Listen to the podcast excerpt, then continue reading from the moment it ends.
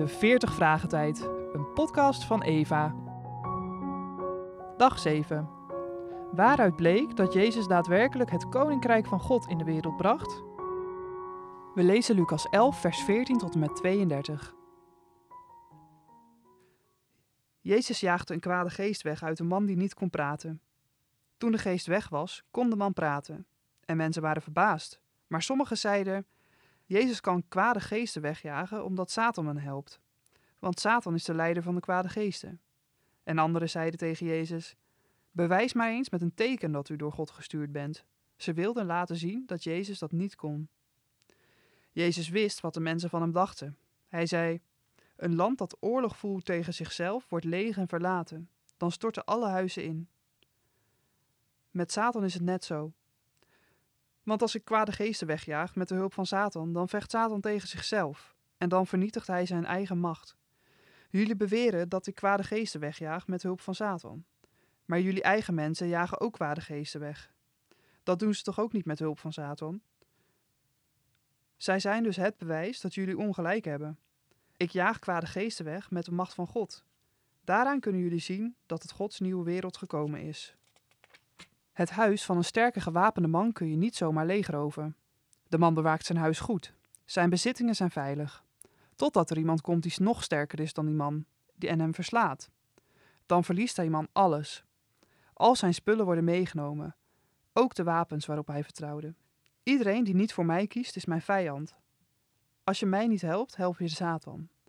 Ik breng mensen bij God, maar Satan houdt mensen juist weg bij God. En Jezus zei: Stel je eens voor, een kwade geest woont in een man. Op een dag gaat die kwade geest uit hem weg. Zijn geest zwerft door de woestijn. Hij zoekt een plek om te rusten, maar vindt die niet. Dan denkt hij: Ik ga terug naar huis, naar de man in wie ik eerst woonde. De kwade geest komt terug en ziet dat het huis schoon is. Het is klaar om in te wonen. Dan roept hij er zeven andere geesten bij, die nog erger zijn dan hijzelf. En allemaal gaan ze in die man wonen. Dan gaat het met hem nog slechter dan daarvoor. Terwijl Jezus nog aan het praten was, riep een vrouw: Een vrouw die een zoon krijgt als u, heeft geluk. Maar Jezus zei: Het echte geluk is voor mensen die luisteren naar God en doen wat Hij wil. Er kwamen steeds meer mensen naar Jezus toe. Jezus zei tegen hen: Jullie zijn slechte mensen, jullie vragen om een teken, maar het enige teken dat jullie krijgen is het voorbeeld van de profeet Jona. Jona was een teken voor de inwoners van de stad Nineveh. Net zo zal de mensenzoon een teken zijn voor jullie. En Jezus zei verder: Op een dag zal God recht spreken over de wereld. Dan zullen jullie voor hem staan, samen met de koningin van het zuiden. God zal jullie straffen, maar haar niet, want zij kwam uit een ver land om te luisteren naar de wijsheid van koning Salomo. Nu staat hier iemand die belangrijker is dan Salomo, maar jullie luisteren niet. Op een dag zal God recht spreken over de wereld, en zullen jullie voor hem staan, samen met de inwoners van de stad Nineveh. God zal jullie straffen, maar hen niet. Want toen de profeet Jona hen waarschuwde, hebben zij hun leven veranderd. Nu staat hier iemand die belangrijker is dan Jona, maar jullie luisteren niet. Waaruit bleek dat Jezus daadwerkelijk het koninkrijk van God in de wereld bracht? Het antwoord: Geloof en wijsheid gaan vaak samen, maar ongeloof en dwaasheid ook. Wat was er dwazer dan Jezus te beledigen door te zeggen dat hij de demonen uitdreef met behulp van de chef van de demonen, de Satan? Toch gaat Jezus op deze dwaasheid in. Hij legt uit dat er twee rijken in deze wereld zijn: dat van de duivel en dat van God. Elk mens behoort tot het ene of het andere rijk. Jezus maakt duidelijk dat het koninkrijk van God inderdaad bezig is baan te breken in deze wereld. Het bewijs? Het licht van Jezus' aanwezigheid stuitte op de duisternis. In eigen persoon drong hij het koninkrijk van de Satan terug door demonen uit te drijven. Hij deed dat door de vinger van God, dat is de Heilige Geest. De duivel is als een sterke man die zijn eigen domein bewaakt.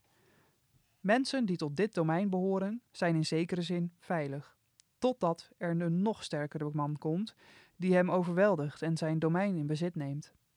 Dat is een van de belangrijkste kanten van het evangelie. Jezus heeft de Satan verslagen om de mensen die in zijn macht gevangen zitten te bevrijden. Dat begon al in de woestijn, toen Satan moest afdruipen na drie pogingen om Jezus ten val te brengen. Zegenvierend kwam Jezus uit die verzoekingen tevoorschijn. En elke demonuitdrijving was een nieuwe triomf voor Jezus. Maar de echte overwinning over de Satan zal pas plaatsvinden aan het kruis. Jezus gaat door de dood degene die de macht over de dood had, de duivel, teniet doen. Zo zal hij alle verlossen die door angst voor de dood hun leven lang aan slavernij onderworpen waren. Voor de mensen van de tijd van Jezus een belangrijk teken, en wel het teken van Jona. Volgens Lucas was dat de prediking van Jona tot de mensen in Nineveh. Toen Jona hun de wacht aanzegde, bekeerden die zich, terwijl de mensen op Jezus' prediking nauwelijks bekeerden. Bij Matthäus is dat teken van Jona iets anders. Een verdorven en overspelige geslacht verlangt een teken. Maar het zal geen teken gegeven worden dan het teken van Jona, de profeet. Want zoals Jona drie dagen en drie nachten in de buik van een grote vis was, zo zal de zoon des mensen drie dagen en drie nachten in het hart van de aarde zijn. Geen groter en grootser teken dan de dood en de opstanding van Jezus. Dat teken van de dood en opstanding zal aan de hele wereld verkondigd worden, zodat mensen zich zullen bekeren, net als die van Nineveh.